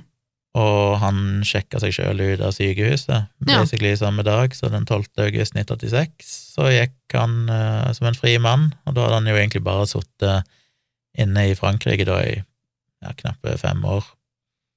Så det var den straffen han fikk, det var egentlig å sitte på en psykiatrisk anstalt i noen år. Og da er det jo litt sånn øh, hva faen-moment, liksom. Eh, Jeg tenker jo også med en gang at men hva, hva skjedde nå? Altså hva, hvordan, Ja. kan, hvordan i all verden kan det ha seg Han har innrømmet alt han har gjort, og det er tydelige beviser på alt. Det finnes til og med bildebeviser og eh, ikke sant, på, på alt, han har, alt han har gjort. Eh, og så kommer han hjem til Japan, og så skal han ikke bli straffeforfulgt for dette. Altså Det japanske rettssystemet de hadde vel egentlig tenkt å rettsforfølge det, men de fikk ikke utlevert papirene fra denne dommeren i Frankrike, fordi at eh, det var vel et eller annet med at siden den saken var avslutta, siden det ikke gikk til rettssak, og det, han ble erklært utilregnelig, så, så var det umulig å utlevere de sakspapirene som var knytta til den saken. Det var det jeg forsto det som også. De kunne ikke rettsforfølge han i Japan, for de hadde ingenting å gå etter, selv om de visstnok prøvde, og derfor Og sendte det- han bare opp med å bli en fri mann. Men jeg, jeg syns det er helt Altså, eh, jeg, bare, jeg bare fatter ikke det, at det kan være så, holdt jeg på å si, enkelt. Altså, jeg, jeg eh, For da, visstnok ifølge fransk lov, så kunne de ikke utlevere de dokumentene, for denne saken her var, eh, var vurdert som avsluttet i, i Frankrike. Han, den, den var case closed, ferdig. Mm. Og da fikk de ikke lov til å utlevere de dokumentene. Uh, nei vel, ok, men jeg tenker jo likevel at øh, Og så gjør de ikke noe mer! Altså Han kommer til, til Japan, da, altså hvor, er dette hull Det er jo et kjempehull i et eller annet system her. Eh, selv om de ikke får utlevert de dokumentene eh, fra Frankrike, så må det vel være mulig å kunne sikte han eller straffeforfølge han i Japan likevel, når det er så mye beviser eh, for at han faktisk har gjort dette her. Hvis ikke Det er er de bevisene. Det hjelper ikke å si at ja, det står i avisen at han gjorde det, for det er hvis ikke de får et eneste sakspapir, ingen bilder, ingen beviser oversendt fra politiet Nei, og en ting rettsvesenet, jo- så har de jo ingenting å kjøre en rettssak på. Nei, men én ting er jo at de ikke får de som politiet kanskje har fra før av, men de kan jo fortsatt finne beviser på nytt igjen. Altså undersøke eller etterforske saken på nytt igjen. Eh, basert på hans Altså, først så hadde han jo innrømmet Det kan være, men det er jo samtidig det at hvis noen hadde Hvis en nordmann hadde begått et eller annet drap i et annet land, mm. og så blitt gått gjennom en prosess der, og så ender opp med å ikke bli dømt, og så komme til Norge, ville Norge ha starta full etterforskning av den personen? Det tviler jeg på. Jeg vet Jeg tror ikke. ikke de åpner en Det er jo liksom en sak som allerede har gått gjennom et rettssystem og blitt avslutta. Ja, det kan godt hende. Og det, og, det, og det er jo ganske komplisert. Det kommer jo veldig an på landet og lovverk og alt mulig. Her har du sikkert ekstremt mye forskjellige eh, ting å tenke på, liksom. Og jeg er jo ikke noe ekspert eh, på noe av dette her, så selvfølgelig kan det godt hende, men jeg vil jo tro jeg, ja, jeg vil jo tro at, at det ikke hadde gått stille for seg, på en måte. Um, og det er jo sånn, litt sånn rart hvordan han blir behandlet, du skal sikkert snakke litt mer om det også, men hvordan han da blir behandlet når han kommer hjem igjen til Japan, så er det jo helt eh, bisart, egentlig. Jeg klarer ikke helt å se for meg at det, hadde sånn, at det hadde gått sånn i Norge, da. Kan jeg ta feil, altså? Nei, nå, jeg, jeg kommer ikke på noen gode eksempler. Jeg tenkte jo bare med en gang på de der to uh, dudesene nede i Kongo. Joshua de, French og Ja. Kjostov Moland. Jeg kan jo si kanskje det var det motsatte som skjedde der, det vet vi ikke. Jeg aner jo ikke om de var skyldige eller ikke, om de begikk drap.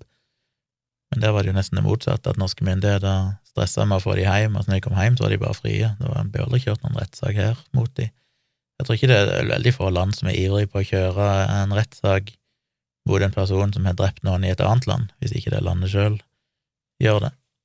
Hadde de begått drap i Japan, så skjønner jeg, da hadde de jo gjort det, men Ja, nei, i Og utgangspunktet så er det jo ja, i utgangspunktet så er det jo det landet hvor drapet skjer, som har ansvar for etterforskning og, øh, og, øh, og straffeforfølgelse, selvfølgelig. Etter at han eh, gikk fri da, så skrev han ei ny bok, denne gangen litt om hvordan det var å være i fengsel, selv om han var teknisk sett aldri i fengsel, men psykiatrisk anstalt. Eh, litt tanker om barndommen sin og sånn. Og den ble jo ikke så populær som denne selvbiografien der, det, der selve drapet og alt dette her ble beskrevet, men, men det gjorde at det etablerte han jo som en, en habil forfatter, en som faktisk kunne klare å skrive, og Mm. samtidig som en, en drapsmann, da. Kjendis. Så jeg klarte å kombinere de to tingene. Han ble jo kjempekjendis. Og han likte jo eh, Oppmerksomheten. Han likte vel oppmerksomheten, tror jeg, Mm. men eh, Og han utnytta det jo, han hadde jo fotografer som kom hjem og tok bilder av han, mens han, for da hadde han òg begynt å male, så han malte jo en del sånn ganske erotiske bilder. Det var vel det de viser i den Vice-dokumentaren, det kontoret hans og sånn, med alle de der vulgære Ja, han, Han er jo veldig, veldig seksuelt fiksert, denne fyren. ja, og jo, det var jo mange som tok kontakt og ville intervjue han for alle mulige Ja. slags eh, greier, ikke sant. Og så endte det jo opp med at han eh, faktisk eh, ble matanmelder, restaurantanmelder, i et det, ja? ja? japansk blad. Han endte jo opp med å bli en sånn kjendis på den fronten òg. Veldig sånn Mm. berømt, hadde fast spalte der han anmeldte mat, eller restauranter.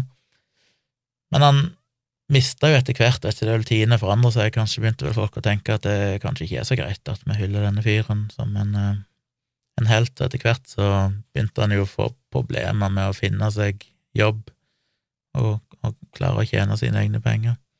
Mm, ja, det var vel litt på grunn av økonomiske omstendigheter i Japan også, etter hvert, vel. Ja, Skjønte jeg. Han sa i hvert fall at i begynnelsen da han kom hjem til Japan, så ble han jo Han ble jo behandlet som en kjendis, mer eller mindre, og det var jo veldig mye oppmerksomhet rundt han, og eh, han beskrev jo også at han, han fikk jo store bunker med penger eh, presentert eh, Mhm. fra, fra journalister og folk som ville ha intervju med han, og som ville at han skulle skrive, skrive for dem, og altså det var ikke måte på. Altså det, er, det er jo helt Eh, Og ikke minst syns jeg noe av det noe av det sykeste, tror jeg det var den ene eh, En sånn mangaforfatter, altså tegneserieforfatter, som kontaktet han og, og lagde rett og slett Utga en tegneseriebok med den ekte historien, med Mm. illustrerte tegninger av det som skjedde. Altså, det, det er det er så drøyt at de lagde faktisk en, en manga-tegneserie om drapet, og om det han gjorde. Eh, Men han ble jo òg utnytta sjøl. Han ble jo han, han måtte jo være med i noen sånne, sånne ekstrem pornografiske filmer. Sånn, òg. ja, hvor de nedverdiget han og gjorde narr av han veldig mye. Og det han òg vel endte opp med å ha sex med ei dame som han bodde sammen med i 24 timer mens de filma, sånn, og så først etterpå så fikk hun vite Mm. hvem han egentlig var. Ja. Og da brøt vel hun sammen. Så det er jo ikke helt Ja. greit. Så, så det er klart at han ble nok utnyttet for veldig mye, for oppmerksomhet og, og for uh, Altså men, men det går jo begge veier, ikke sant. Han fikk jo kjempegodt betalt for det her. Han ble jo en kjendis, og han ble jo eh, Og journalister og, og andre medieskapere, de, de melket jo det omtalen rundt han eh, for, for alt det var verdt, ikke sant. Men det er altså så Og det kan man men, men det, jeg syns det var noe veldig Jeg leste også, eller han nevnte at de hadde visst også Han hadde fått tak i journalen sin fra Frankrike, og, og den hadde blitt oversatt og gitt ut som en egen bok, og ja, det var ikke måte på. Men det å lage en tegneserie med illustrasjoner av historien hans, med drapet og det kannibalismen og sånn, altså eh, Tenk deg Det gjorde de vel med damer òg. men, men tenk deg, ja, men altså, da er du, her er det jo snakk om et, jeg, jeg tenker jo litt på de pårørende også, på en måte, og hvor uverdig og hvor ekstremt eh, eh, respektløst det er. Eh, både for måte, hun som er død, men også på hvordan man hyller han. For han ble jo, han ble jo hyllet på mange måter, i, i sånn som han ble eh, fremstilt, eller sånn som han fikk oppmerksomhet i Japan. Og det er jo litt sånn, det kan man jo eh, Og det er jo kanskje vanskelig å tro at det, det ville skjedd hvor som helst, men de er jo veldig spesielle i Japan. Eh, og, og der blir på en måte det meste sensasjonelt, og der har de ganske drøye ting, på en måte. Altså, jeg tviler på at hvis det hadde vært i Norge, så hadde det vært utgitt en tegneseriebok med illustrasjoner hvor han fikk lov å fortelle sin historie om hvordan han drepte og spiste et menneske og slapp unna med det. Um, det, er sånn, det, er så, det er så groteskt og bisart på en måte som, som jeg ser for meg at nesten bare kunne skjedd i Japan. Det er, um, og hvordan de har en sånn Men igjen, det skjedde jo i. USA med damer. Da ble det jo utgitt en tegneserie. Det reagerte jo selvfølgelig familien på, men Ble det en tegneserie? Ja. det var en eh, Det var med i den eh, serien vi så òg, da det kom fram. Hva si, gikk til søksmål mot en eller annen dude som hadde tegna Ja.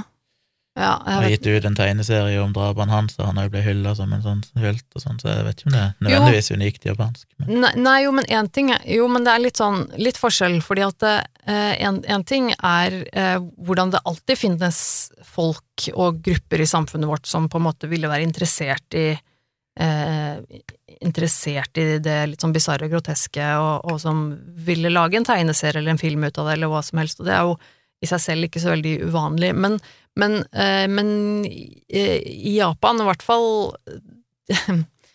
Jeg skal forklare. Eh, I hvert fall tilbake i tiden så er det, det er veldig grenseløst på hva de tar som underholdning, og hva som på en måte kan eh, Hva slags kultur de har i forhold til hva som er eh, greit og ikke greit når det gjelder underholdning, og de har jo en veldig, veldig, veldig, veldig stor subkultur i Japan med hvor det er mer eller mindre akseptert eh, med Hva skal jeg si Altså ganske ting som vi kanskje i Vesten ville sett på som eh, eh, veldig ukorrekt, for å si det mildt, da.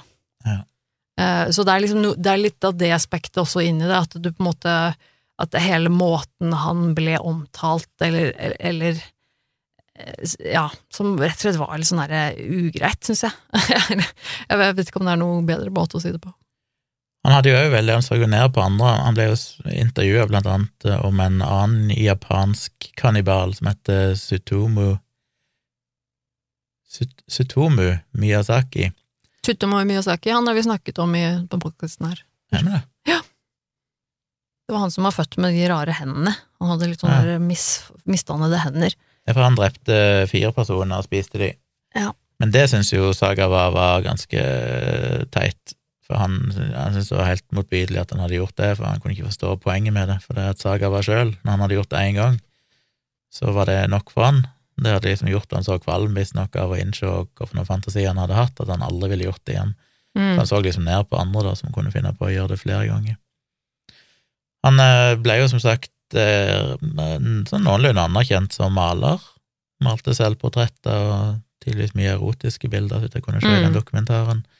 Og dreiv en periode òg en nettside, eller nettsted, som eh, ja, skulle liksom appellere til folk som hadde en interesse for kannibalisme. Så jeg vet ikke helt hva, hva det var for noe, men eh, det gjorde han òg.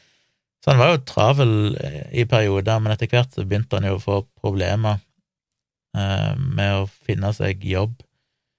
Han ble vel, han fikk vel nesten jobb på en skole for å undervise i fransk, fordi at sjefen der på skolen var så imponert Ja. over at han hadde tørt å søke på denne jobben under sitt eh, ekte navn og sånn. Han snakka vel fransk godt etter å ha bodd i Frankrike. Men de andre ansatte i firmaet de protesterte og ville ikke ha han der, så det endte opp med at han ikke fikk den jobben. Eh, Så generelt sett så sleit han jo veldig økonomisk utover 2000-tallet, han levde vel på trygd, men han sa at eh, han syntes det var en forferdelig straff i seg sjøl, at han ble tvunget til å måtte prøve å tjene sine egne penger, samtidig som alle visste at han var en morder og kannibal, som er kanskje vanskelig å kombinere. Men og han stjal jo penger fra foreldrene sine. Han sa jo det også, at han, han levde av foreldrenes penger, og han hadde jo mer eller mindre stjålet kredittkortet til faren sin, og egentlig betalte Ja. det meste med pengene til foreldrene sine, som jo var ganske rike. I 2013 så havna han på sykehuset etter å ha fått et uh, slag, tror jeg, som gjorde at han var veldig pleietrengende de siste årene av livet sitt. Han Bodde helt alene. Fikk hjelp blant annet av sin yngre bror, men òg fra forskjellige helsearbeidere som kom og, Mm. og hjalp han, og det ble visstnok sagt seinere at han liksom hadde angra på de fantasiene og tankene og det han hadde gjort, og sånn, at det kom ganske tydelig fram mot slutten. Men vi vet jo ikke helt hva som egentlig drev han, om han egentlig var psykisk syk, eller om han bare hadde en enorm Gudene vet. Eh, Han er jo et spesielt tilfelle med at uh, han ønska å gjøre dette helt siden han var et lite barn, Ja. og prøvde så mange ganger, men alltid feiga ut før han til slutt gjorde det, men samtidig òg ikke hadde lyst til å gjøre det mer enn én gang. Han ville liksom bare få det ut av systemet sitt. Han Mm. levde jo Nå døde han jo i forrige uke, men han levde jo tross alt i nesten 50 år, eller over 50 år, uten å noen gang, så vidt vi vet, gjøre noen ting galt igjen. Mm. Men i de årene etterpå, når han bodde i Japan, så drev han veldig vel også den dokumentaren. Da brukte han vel også pengene til far sin, og, og fikk med seg eh, flotte, hvite damer, eller vestlige damer, som han tok med seg på ferie rundt forbi, og Ja. reiste på turer med de, og, og de var vel Ja, han ble vel ganske utnytta.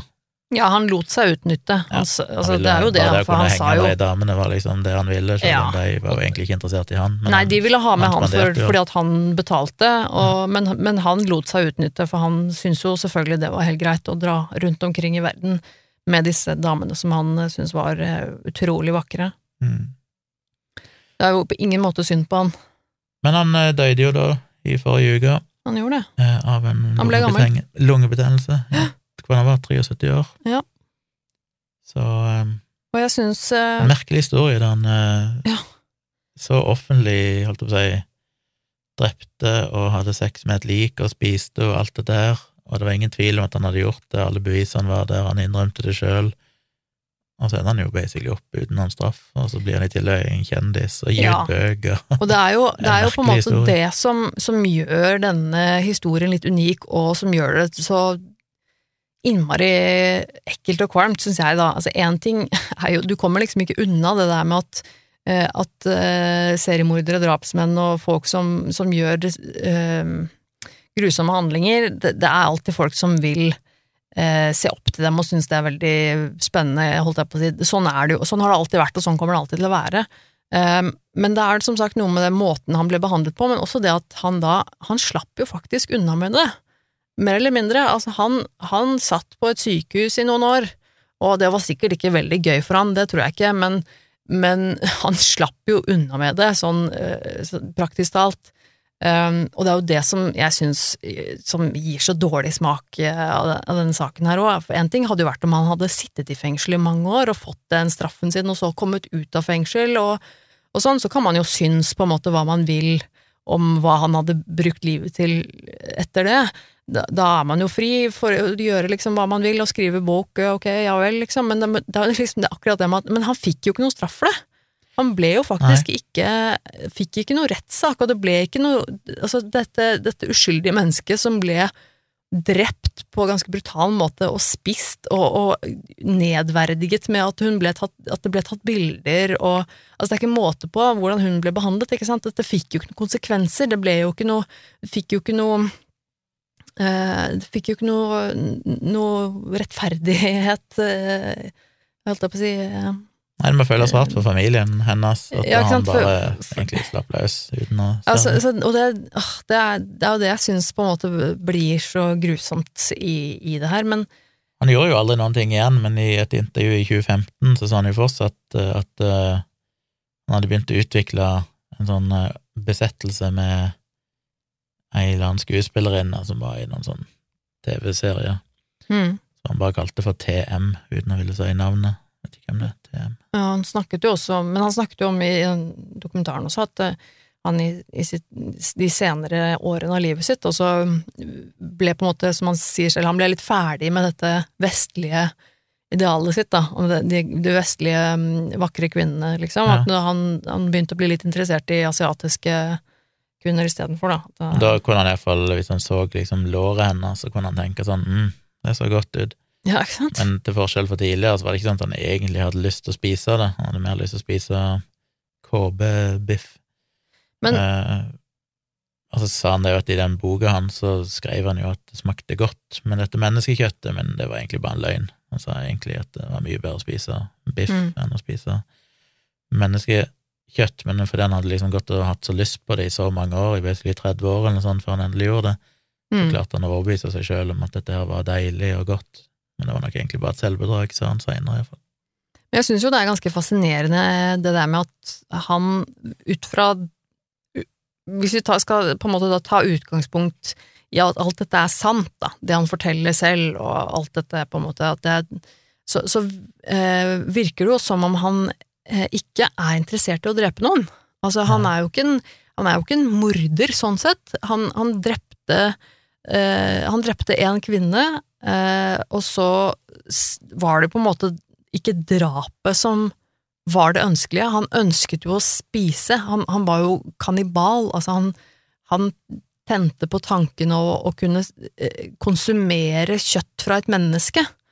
Eh, og ikke nødvendigvis det å drepe noen, så, og jeg syns jo det er litt interessant, egentlig, for det er jo ikke det samme. Eh, du, Han var jo opptatt av å drepe òg.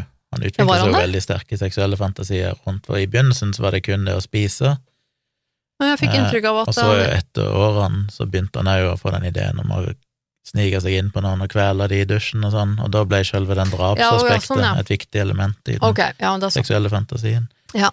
Det som er rart med han, er jo både når, i det Vice-intervjuet når han sitter i en sofa og forteller alt helt sånn kaldt, uten noen Mm. følelse i det hele tatt, um, men òg det som skjedde, det er liksom Han virker så disconnecta fra virkeligheten. Ja. At han liksom Han ble jo eh, venn med hun René, og de virker jo som at de hadde det hyggelig sammen og, og sånn. Mm. Men det er akkurat bare sånn, ja, så gikk han og henta rifla i skapet, og så skulle han skyte henne, men så gikk noe galt, og så bare la han rifla tilbake igjen, og så satte han seg ned med henne igjen, og det virker ikke som han hadde noen sånn følelser rundt hva han egentlig hadde tenkt å gjøre, noen sånne tanker, altså han, han skjønte vel at det var galt, som sagt, Ja. han var tilregnelig, men på en annen måte så virker det jo nesten ikke som han egentlig skjønte helt sjøl at det å ta noen sitt liv er jo faktisk ikke greit. Det virker jo litt som at det var bare sånn han er, dette var bare noe han måtte gjøre. Ja, jeg vet ikke. Det, jeg, får, jeg tenker jo på det han snakket om, at øh, han, han hadde jo veldig mange andre sjanser til å ta livet av noen, men ikke klarte å gjøre det, da.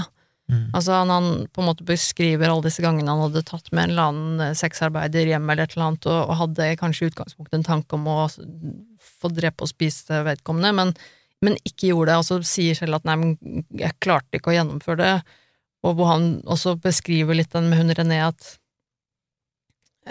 at, at han at han syntes det var ekkelt, at han syntes blod var ekkelt, for eksempel, at han, ikke, at han syntes det der med at, uh, at han eh, ja, kanskje besvimte når han hadde skutt henne, men at det var noe med at han også snakker om at uh, han, han skjøt henne så hun døde, og da var det noe med at han, han ble litt satt ut av det at hun på en måte Oi, nå var hun død.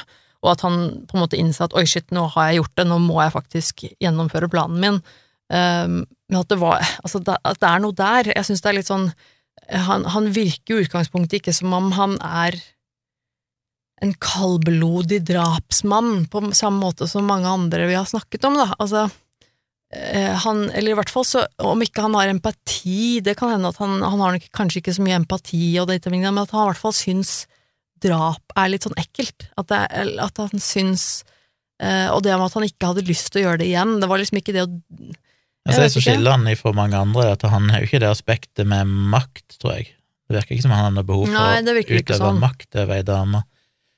Så det med å drepe i seg sjøl var jo ikke noe som på en måte ga han et kick Nei, jeg tror heller ikke det. men det er det som jeg, overrasker meg, er vel kanskje litt det motsatte, at det virker jo som at han ikke egentlig følte noen ting rundt det. Det var liksom bare sånn Mm.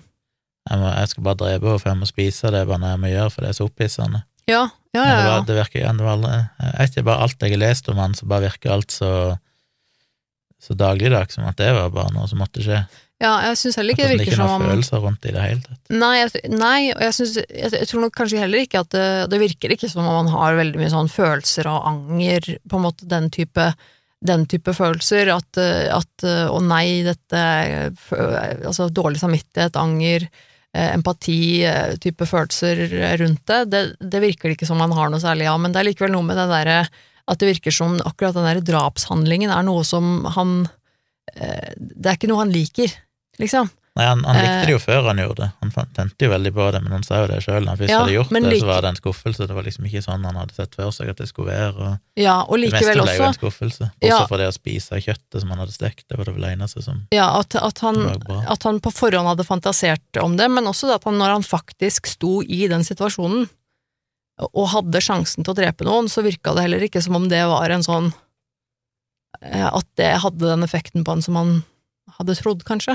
Nei. Det virka jo ikke som om øh, det å drepe noen på en måte var noe han følte veldig mye sånn kick og glede av, da. Sånn Det var det at han fantaserte mye om det, og det ga han et enormt kick. Men hver gang han hadde muligheten, så oppdaga han kanskje at dette er jo ikke gir meg ikke det samme kick å gjøre det i virkeligheten. Mm. Men samtidig så det så kom de seksuelle fantasiene tilbake igjen og tilbake igjen, så han virker som han bestemte seg for at men hvis ikke jeg bare gjør det allikevel, så kommer jeg aldri til å slutte å ha den lysten. Ja, og så virker det jo for meg som om den, den, den kannibalistiske lysten hans er sterkest. Mm. Og da kommer det på en måte den, Det at han må drepe noen, er på en måte da kanskje ofte et naturlig konsekvens, da, fordi at han skal spise noen, så må de jo kanskje nødvendigvis dø. Eh, så, og at jeg, jeg får litt følelsen av at det, det kannibalistiske, det å spise noen, var så viktig at da, da også det å drepe noen var på en måte noe som også måtte bare skje. Han sa vel òg en eller annen plass at hvis han jeg lest det, en eller annen plass han skrev at hvis han bare hadde fått noen sa, noen hår av henne, eller fått urinen hennes, så kunne det kanskje vært nok hvis han bare kunne ha drukket tisset hennes, liksom. Ja, det også sa han noe om etter at han Ja, han, stemmer det. men han ville ikke nedverdige seg til å spørre om det, for det ville være så flaut, liksom, å spørre om han kunne få tisset hennes. Men han mente jo at hvis han hadde fått det, så er det ikke sikkert han hadde trengt å drepe henne noen gang. Da hadde Nei. kanskje det vært nok for at han fikk, fikk det ut av systemet. Åh. Men ja. Nei, men det lang episode, vi må komme oss i mål her. Ja, vi En må det. kjapp eh, rangering.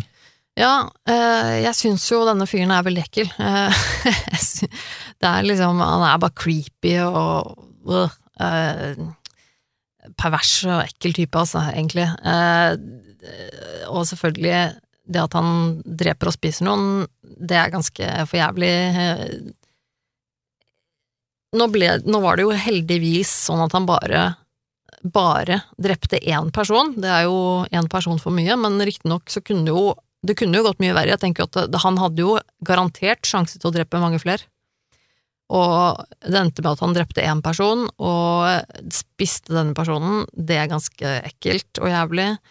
Eh, og så er det alt dette rundt, det at han slapp så altfor billig unna med det, og at han ble hylla, og at det, det, han fikk så kjendisstatus og alt det der greiene der. Eh, det også gjør det er sånn der ekkelt, syns jeg, altså. Um, men totalt sett så syns jeg ikke denne saken er, er det mest grusomme vi har snakka om, liksom. Um, så jeg tenker at for meg så havner det på en syv på grusomhetsskalaen, fra null til ti. Eh, hvor ti er verst. Jeg tror syv. Jeg er mest imponert over at han har jo sin egen IMDb-oppføring. Nei, Og der regner denne filmen, han, den der sadomasochistiske filmen som han Den var med i, pornogreiene, Ja. som heter Uva Kizuma Chizu Kuseme. Den mm. er faktisk er 5,5 i rating på IMDb. herregud. Og så er det en annen film der han spiller seg sjøl, som heter Kaniba. Vet ikke om det er en dokumentar, eller Men det er det sikkert en dokumentar, ja. Nei. Det Kaniba is a film that reflects on the discomforting significance of cannibalistic desire in human existence through the prism of one man, Issei Mm. Sagawa, and his mysterious relationship with his brother Jun. Den er jo 5,6, så det er jo ikke så Jeg syns jo i og for seg at kannibalisme er et ganske interessant tema, eh, eh, sånn generelt. eh, Det med at det er så tabu og, og sånn. Nå, nå snakker jeg om bare helve, selve kannibalisme. Altså ikke det å drepe noen, men, men jeg, har, jeg, lag, jeg husker jeg lagde jo faktisk en, en video om det på min YouTube-kanal, hvor jeg snakker om, om kannibalisme. Eh, Om litt sånn generelt, og eh, ut fra et litt sånn tankeeksperimentmåte, eh, hvordan vi tenker på det, og hvorfor, og hvorfor ikke vi syns det er galt, og så videre. Eh, må gjerne gå inn på YouTube og søke på navnet mitt, Tone Sabro, og så sjekke ut kannibalismevideoen min, hvis du syns det er interessant. Du må rasjere, Ja. du òg, da. Nei, jeg eh, tror ikke jeg gir han mer enn uh Jeg rangerer han lågt, jeg, eller rangerer han helt nede på